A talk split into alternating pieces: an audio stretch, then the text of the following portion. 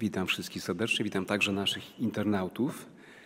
Cieszę się, że mamy tak wielu przyjaciół i otrzymujemy pozdrowienia z różnych miejsc z Polski, z zagranicy i nawet niektórzy internauci nas bardzo wspierali w tym trudnym okresie, także finansowo, za co też serdecznie y, dziękuję.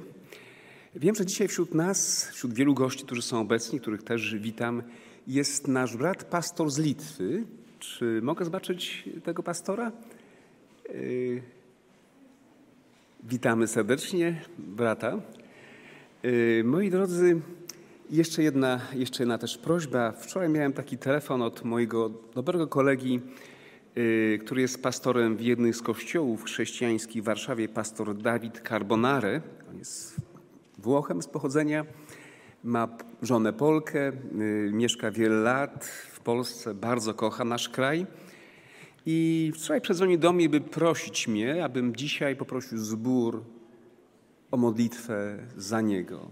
Jest w pewnej trudnej sytuacji życiowej, jest na takim rozstraju dróg i bardzo wiele zależy teraz od decyzji, którą podejmie i nie wiem, czemu do mnie przedzwonił, być może dzwonił też do innych y, duchownych, y, tych, których znał, ale prosił o taką gorącą modlitwę, więc jeśli gdzieś podczas tego nabożeństwa chcecie, to pomóżcie się w intencji Dawida, żeby Pan poprowadził jego służbę we właściwym kierunku. Jest to bardzo dany Bogu i ludziom człowiek i, i niezwykle ciepły. Proszę Was o modlitwę za, za Dawida. E, faktycznie chciałem zacząć to, to kazanie, nabożeństwo nieco inną pieśnią. Wybrałem tą pieśń, ale otrzymałem informację od organisty, że niestety, ale jest to trudna pieśń i, i, zbór tej pieśni, zbór w jej nie zna. Być może jest śpiewana w wielu innych zborach. Jest to pieśń numer 222, dlatego że zaczyna się ona od słów yy, pewnego pytania, które chciałbym dzisiaj postawić Wam, ale też postawić przede wszystkim yy, sobie. Czy pojmujesz, człowieku, ile straciłbyś Ty, gdybyś stracić miał zbawienie swe. Dzisiaj pomyśl nad tym, oblicz stratę lub zysk, lepiej Bogu oddaj dziś serce swe.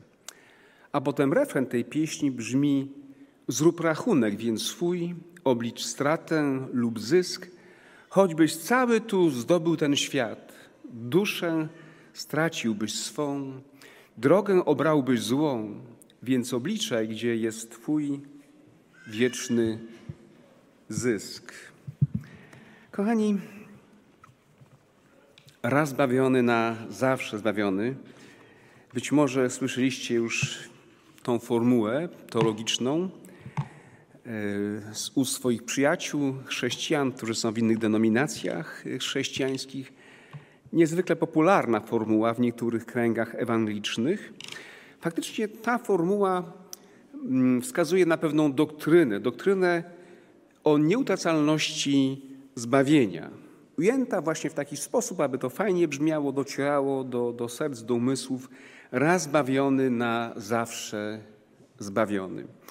A u jej podstaw, niektórzy o tym nie wiedzą, nawet ci, którzy tą doktrynę głoszą, leży kalwińska nauka o podwójnej predestynacji. Czyli inaczej mówiąc o tym, że przed wiekami Bóg jako suweren, przed wiekami, zanim jeszcze Bóg stworzył świat, Bóg już dokonał pewnego wyboru. Pewnych ludzi wybrał i przeznaczył do zbawienia, a innych również wybrał, ale przeznaczył na potępienie. Czyli chociaż to brzmi okrutnie, być może to jest doktryna, która mówi, że pewnych ludzi Pan Bóg stworzył, przeznaczył, aby byli rozpałką yy, w piekle. Tak? A tak to mniej więcej można ująć.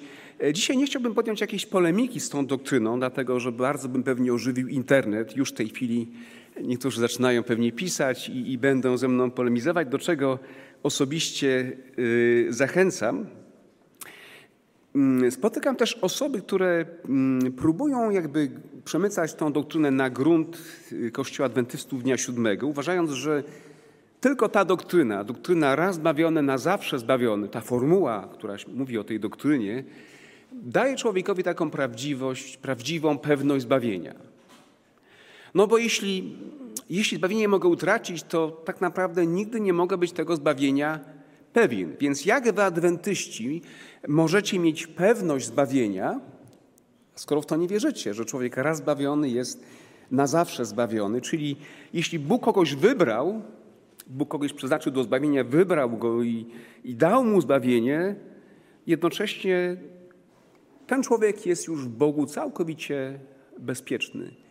Nigdy nie może odpaść od Chrystusa, nigdy nie może odejść od Boga, a jeśli coś takiego widzicie, że to się dzieje gdzieś w kościele, to oznacza, że ten człowiek tak naprawdę nie był wśród tych, których Pan Bóg wybrał.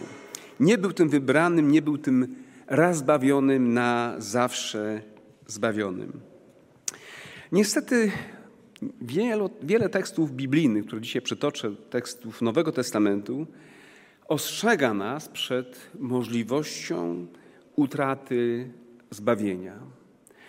E, używając takich właśnie określeń jak wypadnięcie z łaski, jak odrzucenie z łaski, czy też odłączenie od Chrystusa, niektóre z nich przytoczę, cytując te fragmenty Pisma Świętego. I tutaj chciałbym zadać pierwsze pytanie, dzisiaj będzie ich kilka, zwolennikom tej doktryny raz zbawiony, na zawsze zbawiony, czyli doktryny o nieutracalności zbawienia, a ono brzmi w ten sposób.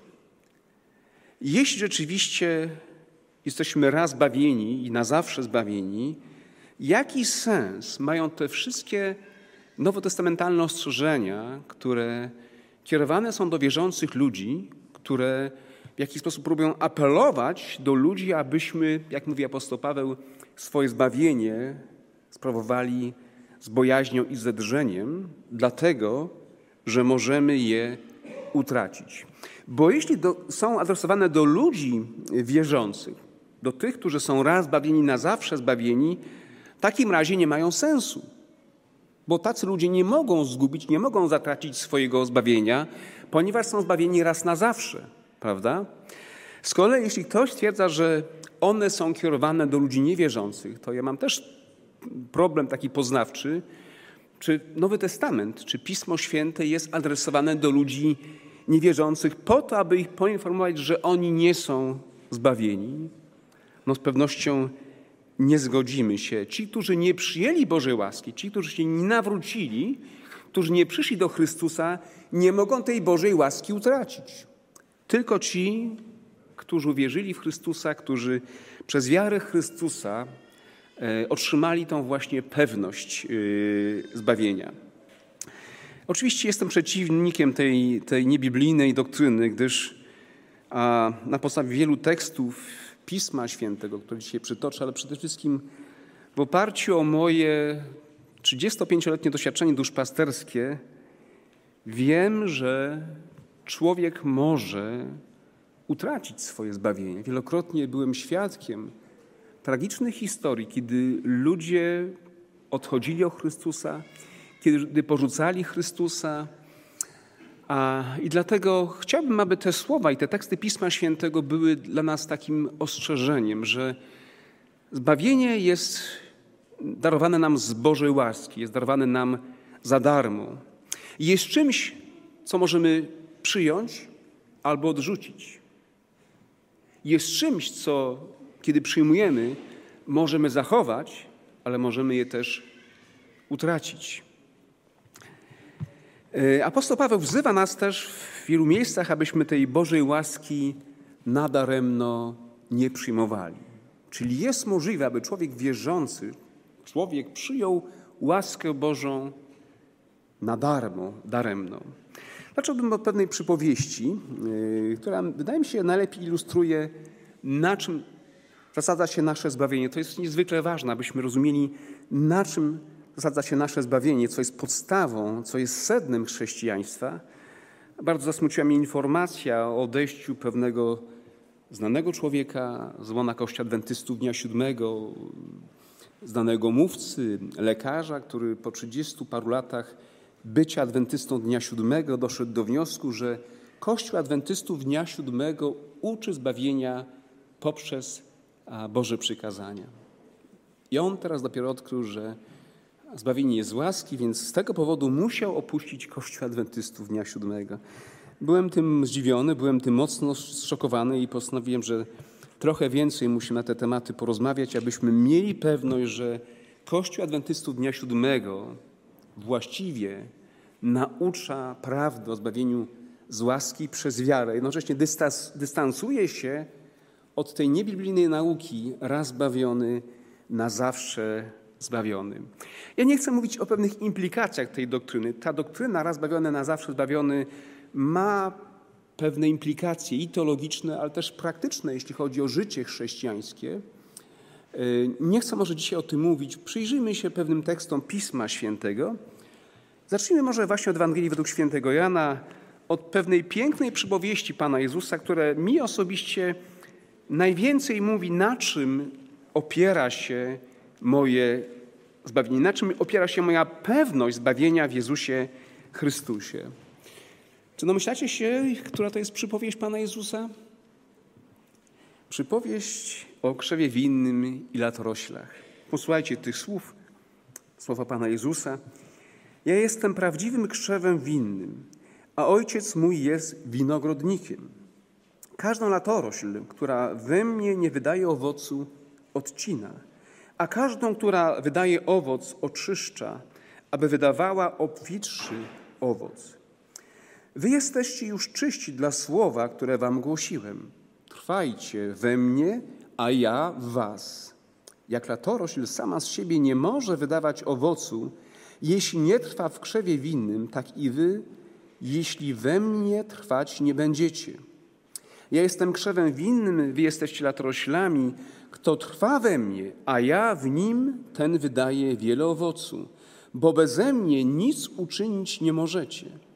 Kto nie trwa we mnie, ten zostaje wyrzucony precz jak zeschnięta latorośl, taki zbierają i wrzucają w ogień, gdzie spłoną. Moi drodzy, co jest sednem życia chrześcijańskiego? Dzisiaj mówiliśmy tak wiele o, o misji, jaką ma Kościół, że jesteśmy powołani do tego, by głosić Ewangelię temu światu, głosić Ewangelię w ujęciu trójanieckiego poselstwa. Czy to jest sednem tak naprawdę chrześcijaństwa? Czy być może, jak niektórym się wydaje, sednem chrześcijaństwa jest przestrzeganie dziesięciorga Bożych przykazań? Albo jak jeszcze inni mówią, może tacy mniej zorientowani, że po prostu sednem chrześcijaństwa jest to, żeby być dobrym człowiekiem. Jak jesteś dobrym człowiekiem, to, to faktycznie wszystko inne już, już jest nieważne. Ważne jest to, żeby być dobrym człowiekiem. Ja to słyszałem wiele razy. Tak naprawdę, Panie, o to chodzi, żeby być dobrym człowiekiem. Co się będziemy spierali o, o, o, o słowa, o doktryny? Wystarczy być dobrym człowiekiem. Na pewno ważne jest to, aby chrześcijanin był dobrym człowiekiem. Ja nieraz mówię o tym, że są ludzie, którym wiara nieraz przeszkadza być dobrym człowiekiem, bo i takich spotykam. Ale moi drodzy, w świetle tej przypowieści, sednem chrześcijaństwa jest moje życie w Chrystusie, jest trwanie w Chrystusie. Poprzez akt nawrócenia poprzez akt zbawienia zostaliśmy jakby wszczepieni w Chrystusa. Apostoł Paweł wyjaśnia nam to, że to nie jest coś naturalnego. My nie rodzimy się w takim organicznym, organicznej łączności z winnym krzewem z Chrystusem. My rodzimy się w oddaleniu od Boga. My rodzimy się w fatalnym stanie. Pismo Święte mówi, że nasz stan jest po prostu beznadziejny. Jesteśmy totalnie zdeprawowani. Ale kiedy nawracamy się do Chrystusa, poprzez cud Bożej łaski zostajemy wszczepieni w tą winną latorośl. I trwamy w Jezusie Chrystusie. I Chrystus mówi: Trwajcie we mnie, a ja w Was. I kiedy trwamy w Jezusie Chrystusie, kiedy mamy tą zbawienną łączność z Jezusem Chrystusem, wtedy dzieją się rzeczy niesamowite w naszym życiu, bo Jezus mówi, że dzięki tej łączności Bóg, Ojciec, oczyszcza nasze życie. Cóż to jest innego jak nie proces uświęcenia, o którym też dzisiaj bardzo mało mówi się we współczesnym chrześcijaństwie. A jeśli Pan Bóg nas oczyszcza, to to prowadzi do owocowania. Wydajemy wiele owocu. Pismo Święte mówi o owocach Ducha Świętego, które są naturalnym wynikiem trwania w Jezusie Chrystusie. To nie jest wynik naszych usiłowań, naszych zmagań, naszych starań, to jest wynik naturalnego związku z Chrystusem. Moi drodzy, Zwolennicy doktryny raz zbawiony, na zawsze zbawiony próbują to ująć w taki sposób, że zbawienie to jest coś takiego, co Pan Bóg nam nie tyle dał, co Pan Bóg nam zadał. Tak trochę może wbrew, wbrew nam, prawda? Czyli Pan Bóg wlał ci to zbawienie, tak jak ołów do gardła. Nawet gdybyś chciał się go pozbyć, będzie skakał, przychylał się na lewo, na prawo, to tego z ciebie po prostu nie wytrząśniesz, prawda? Bo raz zbawiony, na zawsze zbawiony. Ale Jezus Chrystus mówi, że ta pewność naszego zbawienia opiera się na łączności z Nim. Opiera się na tej zbawczej wierze, na trwaniu w Jezusie Chrystusie. Jezus mówi o tym, co się może stać, że jeśli nie trwamy, z jakiegoś powodu tracimy tą łączność zbawczą, tą zbawczą wiarę w Chrystusa, wtedy to prowadzi do tego, że przestajemy owocować. A gdy przestajemy owocować, to prowadzi do tego, że ta gałązka zostaje odcięta i precz wyrzucona. Ta przypowieść Jezusa Chrystusa wyraźnie przeczy tej doktrynie o nieutracalności zbawienia, dlatego że Bóg jako suweren tej ma prawo oceniać nasze życie i jak tutaj jest też powiedziane, ma prawo tą gałązkę odciąć. Kochani, bardzo ważne jest to, jeśli my mówimy też o zbawieniu z łaski przez wiarę, bo często powtarzamy mm, tą zasadę w oparciu o list Pawła do Efezjan, albowiem łaską zbawieni jesteście przez wiarę, prawda? Abyśmy też właściwie rozumieli, czym jest wiara, bo nieraz powtarzamy protestancką doktrynę o zbawieniu z łaski przez wiarę, ale mamy w swoich głowach katolicką definicję wiary. Wtedy to kompletnie przestaje e, grać. Często pytam się ludzi, nawet spośród naszego grona, ale czym jest wiara? No i ludzie różnie myślą o wierze. Jedni myślą, że to jest takie pewne intelektualne uznanie historycznego przekazu o Jezusie. Tak? Wszystko wiem o Jezusie, urodził się w Betlejem, to uczynił, zmarł za mnie na krzyżu, ja to wszystko wiem, ja to akceptuję, to jest wiara i dzięki temu jestem zbawiony. Niektórzy być może myślą, że mm, wiara to jest to, kiedy intelektualnie akceptuję 27 zasad wiary Kościoła Adwentystów Dnia Siódmego. Zgadzam się, potrafię je udowodnić. To jest, to jest wiara, a więc zbawiony jestem przez tą wiarę. Przez wiarę, 27 zasad wiary Kościoła Adwentystów Dnia Siódmego, bawiony jestem y, z łaski, bo w to wierzę. Moi drodzy, kiedy Luther sformułował tą zasadę sola fide, tylko wiara, sola gracja, czyli tylko łaska, też w oparciu o lista apostoła Pawła wiemy, że był wielkim studentem, zwolennikiem listu apostoła Pawła, sformułował to, czym jest wiara, czym jest prawdziwa wiara chrześcijańska. Ta wiara, która przynosi zbawienie. A więc to nie jest nawet to nie jest jakiś pobożny stan uczuciowy. Niektórzy mówią, o ja jestem głęboko wierzący, prawda? I tak się czują w swojej wierze, w swoim duchu dobrze i to jest, to jest moja wiara. Mm, albo jakaś postawa wypracowana przez człowieka, pewne praktyki religijne, to jest moja wiara. Luther mówi, że wiara jest egzystencjalną więzią człowieka z Chrystusem. Wiara to jest więź człowieka z Chrystusem. Jeśli mamy tą wiarę, mamy więź z Chrystusem, tak jak mówi ta przypowieść, wtedy mamy pewność zbawienia. Ale tylko wtedy. A więc wiara nie jest dziełem człowieka, sprawcą wiary jest tylko Chrystus. Dara jest, wiara jest darem Boga w Duchu Świętym. Kochani, ale chciałbym, abyśmy przeszli od pewnych teorii do, do praktyki, do pewnych tekstów Pisma y, Świętego, dlatego że mamy wiele ostrzeżeń na kartach Nowego Testamentu przed utratą zbawienia, przed zgubieniem zbawienia. E, I być może pewne rzeczy skrócę, dokonam takiego mm, wyboru niektórych tekstów. Już pominąłem tutaj przynajmniej dwie strony tego, co chciałem powiedzieć, ale jest, e, jest, jeden, jest kilka takich tekstów, które do mnie przemawiają, które budzą pewien niepokój w moim sercu i też pewną troskę o wierzących ludzi w Kościele.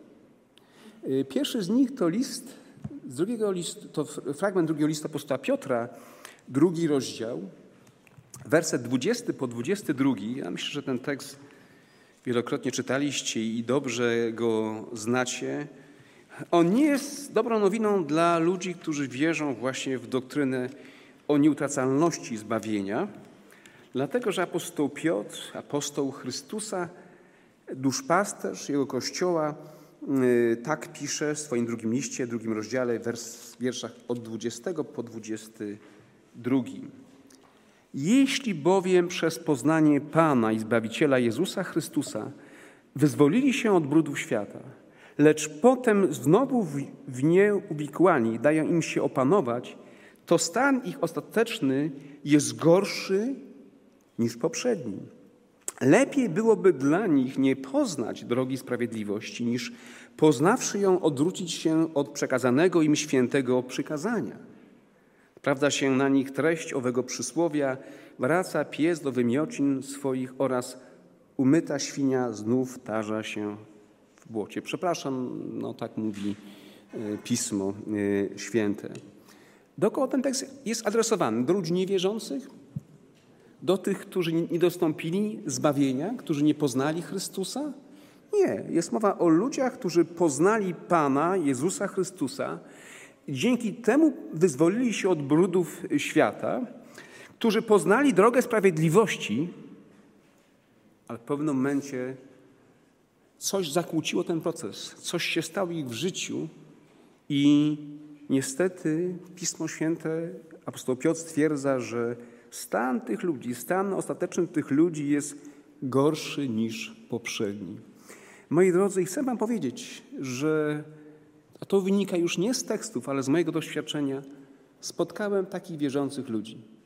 Spotkałem ludzi, którzy przeżyli e, społeczność z Bogiem, którzy dostąpili zbawienia, którzy cieszyli się radością życia w Chrystusie, ale potem zboczyli z tej drogi i spotkałem tych ludzi, których stan był gorszy aniżeli poprzedni.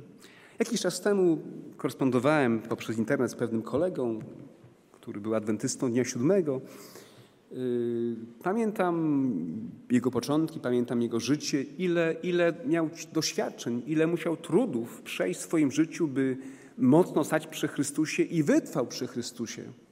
Ale potem pojawiły się pewne problemy natury osobistej, rodzinnej, małżeńskiej w każdym razie, kiedy z nim korespondowałem, on do mnie pisze: Słuchaj, ja, ja już nie wierzę w to, że Bóg istnieje. Jeśli istnieje, to Bóg jest taki, taki, taki. Padło cała, padła cała masa oskarżeń. Więc próbuję dalej z nim pisać, próbuję pewnych argumentów używać, a w pewnym momencie on zaczyna bluźnić Bogu i kończy, moją, kończy naszą korespondencję Ave Satan. Stan końcowy bywa gorszy niż poprzedni, dlatego że kiedy poznał Jezusa, kiedy poznał Ewangelię, wówczas przedtem nie bluźnił Bogu. Moi drodzy, popatrzmy na, na inny fragment Pisma Świętego. Yy, cały czas w tym kontekście pytania, czy można utracić zbawienie.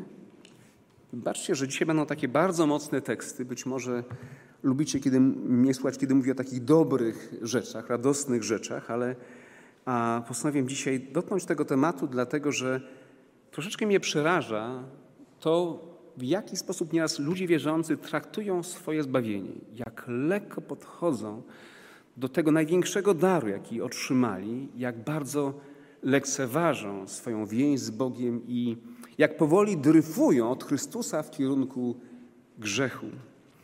Apostoł Paweł w liście do Hebrajczyków, czy jak niektórzy wolą, autor listu do Hebrajczyków w szóstym rozdziale yy, kieruje do nas bardzo mocne słowa i znów chciałbym postawić pytanie, do kogo te słowa są adresowane? Czy do ludzi wierzących, czy do ludzi niewierzących? Czy do tych, którzy są zbawieni, czy do tych, którzy tego zbawienia nie dostąpili? W szóstym rozdziale werset czwarty i kolejne. E, te słowa mnie po prostu porażają i momentami przerażają.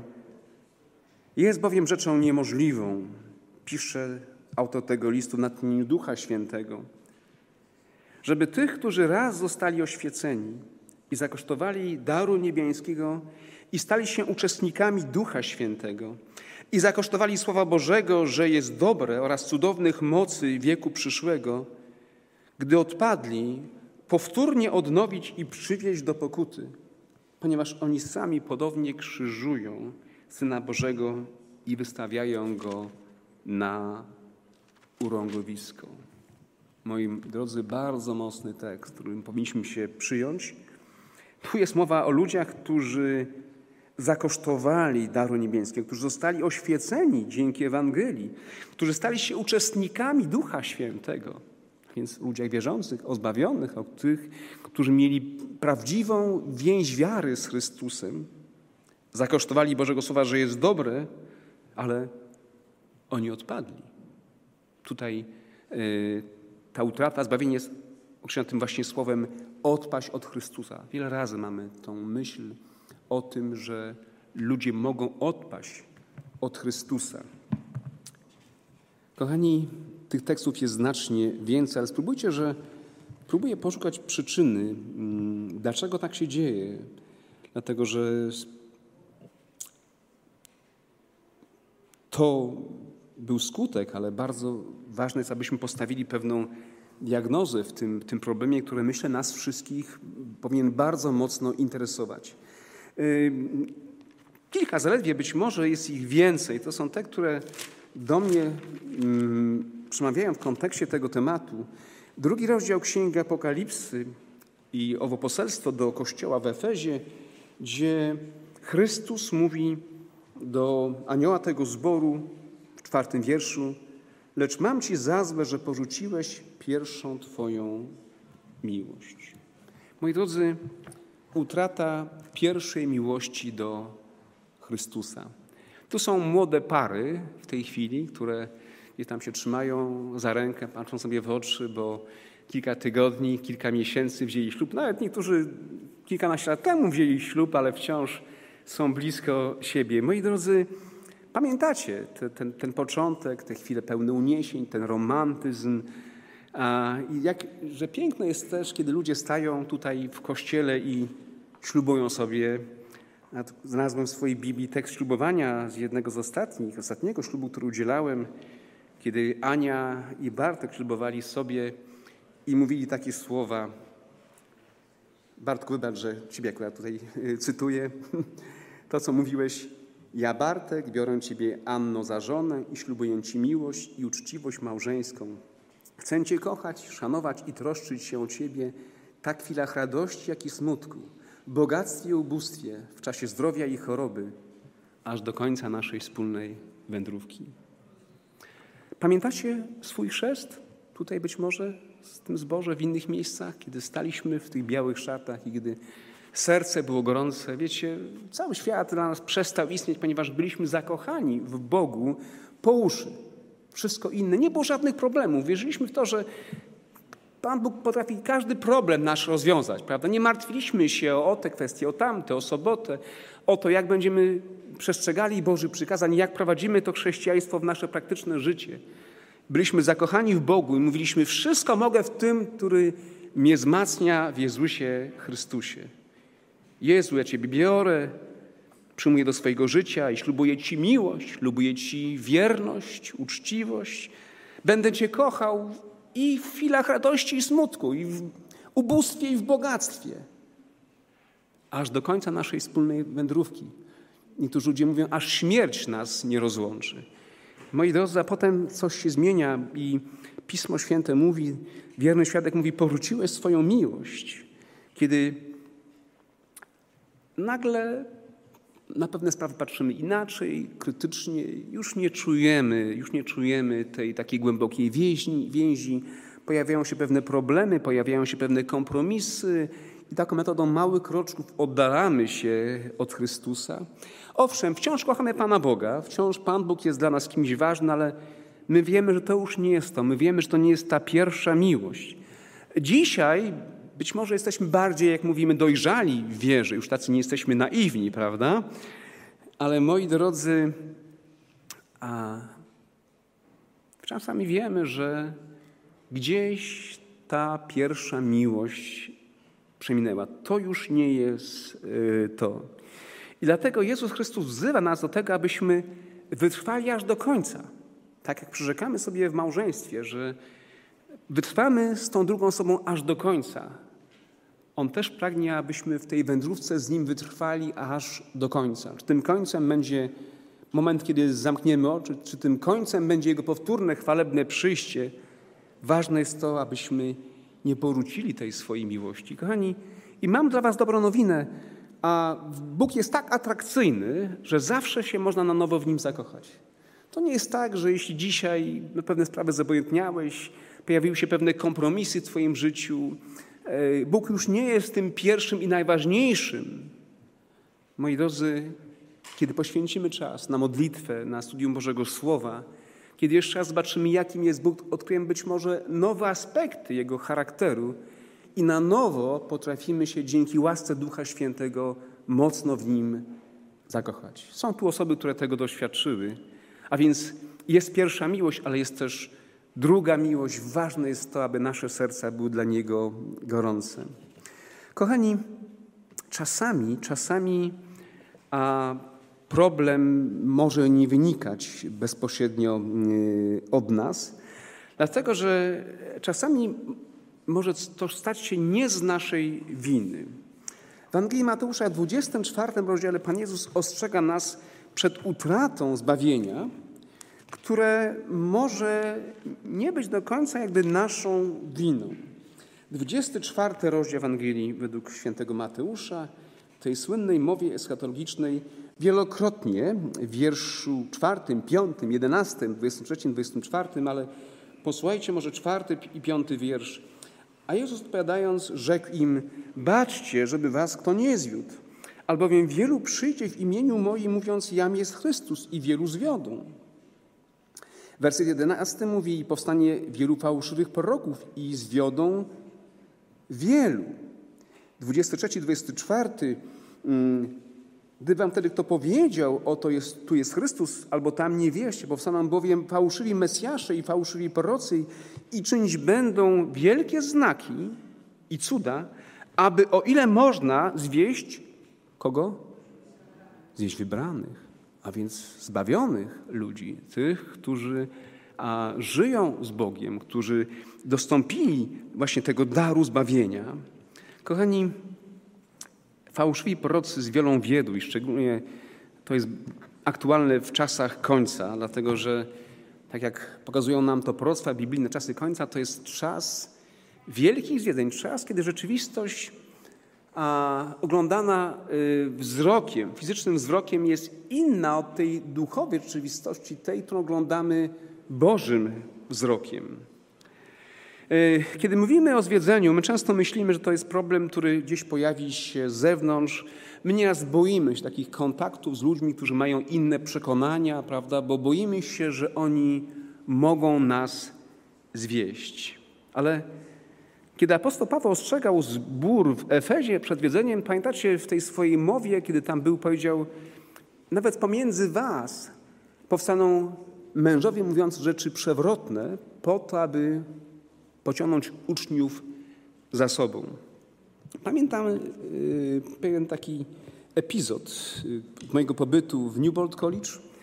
Y, pewnego razu na, w jednej z sal, gdzie mieliśmy zajęcia, zauważyłem przepiękny obraz. Obraz, który miał kilka metrów długości, być może ci, którzy byli, widzieli. Obraz, który jest wspaniałym takim graficznym oddaniem stworzenia świata. Pewien student, niezwykle Y, inteligentny, niezwykle błyskotliwy, utalentowany. Ten obraz namalował przed wielu laty.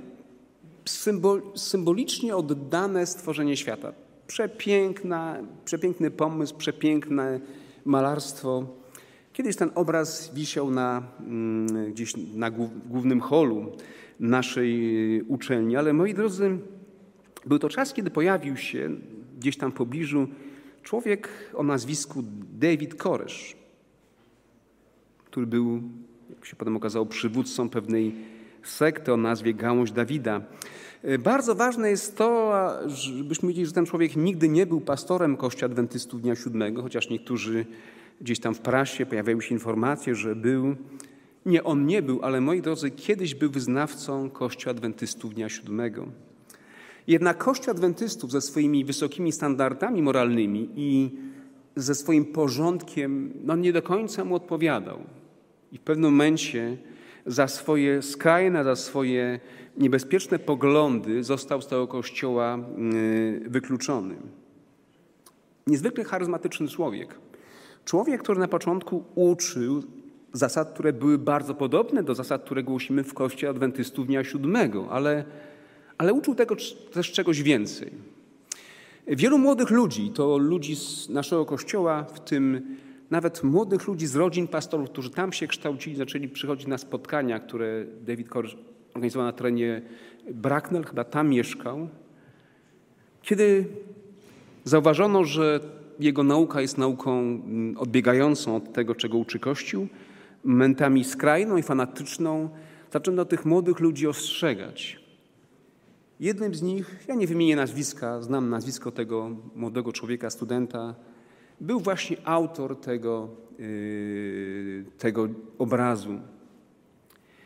Kilka młodych osób udało się Koreszowi wyrwać tam właśnie z Newport, oderwać od swoich domów, a potem zabrał ich na farmę Waco w Teksasie, gdzie doszło do tragedii, gdzie ci młodzi ludzie zginęli w piekle, które David Koresz im tam Waco zgotował.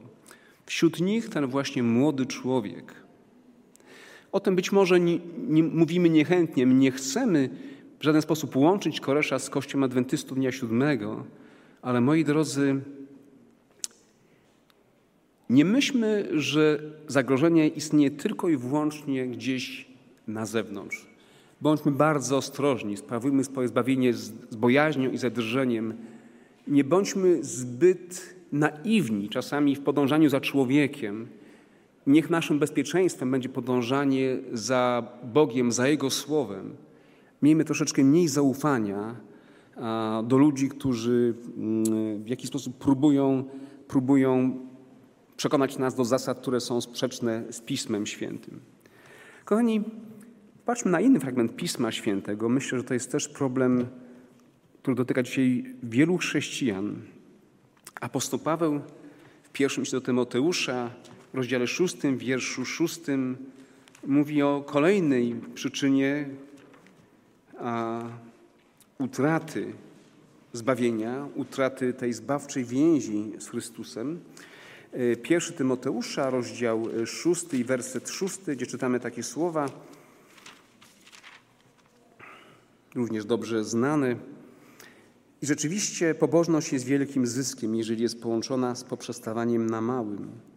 Albowiem niczego na ten świat nie przynieśliśmy, dlatego też niczego wynieść nie możemy. Jeżeli zatem mamy wyżywienie i odzież, poprzestawiajmy na tym. A ci, którzy chcą być bogaci, wpadają w pokuszenie i w sidła, i w liczne bezsensowne i szkodliwe porządliwości, które pogrążają ludzi w zgubę i zatracenie. Albowiem korzenie wszelkiego zła jest miłość pieniędzy. Niektórzy ulegając jej zboczyli z drogi wiary, uwikłali się sami w przeróżne cierpienia. Nie no, kolejne kazanie o chrześcijańskim ubóstwie, prawda? No nie o tym chcę mówić, dlatego że ten problem dotyczy ludzi, którzy mogą mieć bardzo wiele i tych, którzy niewiele mają.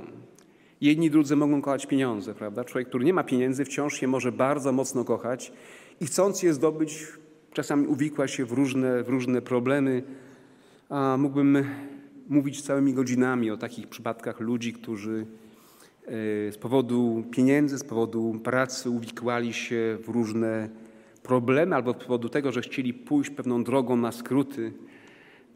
Pamiętam, pomagałem niejednokrotnie osobom, które e, weszły w różnego rodzaju kredyty, jakieś atrakcyjne formy mm, pożyczek a potem byli tak zaplątani w tym wszystkim, że już nie mieli siły ani na modlitwę, ani na wiarę w Boga. Byli tak tym pogrążeni i nie wiedzieli, w jaki sposób wyjść z tego problemu. Pomagałem pewnej parze ludzi, którzy poprzez nierozsądne branie kredytów uwikłali się w problem o wartości milion dwieście tysięcy złotych do spłaty w trzydziestu paru bankach. Kochani, Paweł nas ostrzega, że możemy nieraz za niewielkie pieniądze sprzedać ten wielki dar zbawienia w Chrystusie, ofiarowany nam za darmo z łaski. I dlatego ta pieśń do mnie przemawia. Czy, przy, czy pojmujesz człowieku, ile straciłbyś dziś, gdybyś stracił, miał zbawienie swe? E, wczoraj, kiedy szedłem tutaj na spacer z moim psem, zauważyłem samochód, którego nigdy przedtem nie widziałem w Warszawie. Gdybyście byli ciekawi, on tutaj stoi przy y, Akademii Muzycznej. Wciąż, mam nadzieję, jeszcze stoi, bo rano jeszcze stał. E, to jest Rolls-Royce. Nie wybaczcie mi, nie wiem jaki model, ale bardzo duży, bardzo piękny samochód. Nie widziałem nigdy takiego samochodu na ulicach w Warszawie. Chociaż ja nie jestem wielkim fanem y, takiego samochodu. Wczoraj tak przychodziłem obok niego i pomyślałem sobie, hmm, ile ten samochód jest wart. No i tak mi ta myśl zaczęła gnębić. Poszukałem w internecie, podobny model, być może ten sam model. Co prawda był samochód już pięcioletni do sprzedaży za skromną sumę 760 tysięcy złotych. Wiecie, używany pięcioletni samochód, dlatego taki tani. O, pomyślałem sobie, co by było, gdybym miał taki samochód. E, pamiętam mojego kuzyna, który pracował w Niemczech, kupił sobie drogi samochód i przyjechał tym samochodem do Polski. To był czas, kiedy jeszcze te samochody na blachach zachodnich dosyć łatwo ginęły. Samochód postawił, postawił pod dom, pod blok, w którym mieszkała jego, jego mama i faktycznie cały czas wyglądał. Jadł, rozmawiał i cały czas otwierał okno i patrzył, czy ten samochód jeszcze stoi.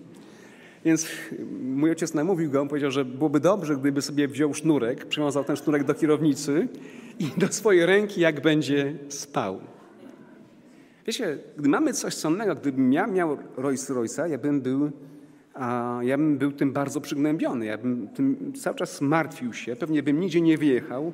Bałbym się, że mogą mi go ukraść, że mogę go utracić, mogę go gdzieś tam zderzyć z jakimś słupem czy, czy z płotem. Zobaczcie, jak mało cenimy nasze zbawienie, jak lekceważymy nasze zbawienia. Zbawienie to jest coś, czego nie można przeliczyć na żadne pieniądze. Ten Rolls Royce to jest, wiecie, kupa blachy w porównaniu do tego, co Pan Bóg nam oferuje. Pan Bóg oferuje nam przebaczenie naszych grzechów. Bóg nas usprawiedliwia, czyni nasze życie nowym. Bóg nam daje wspaniałą nadzieję wiecznego przyszłego życia jakże mało cenimy nasze zbawienie.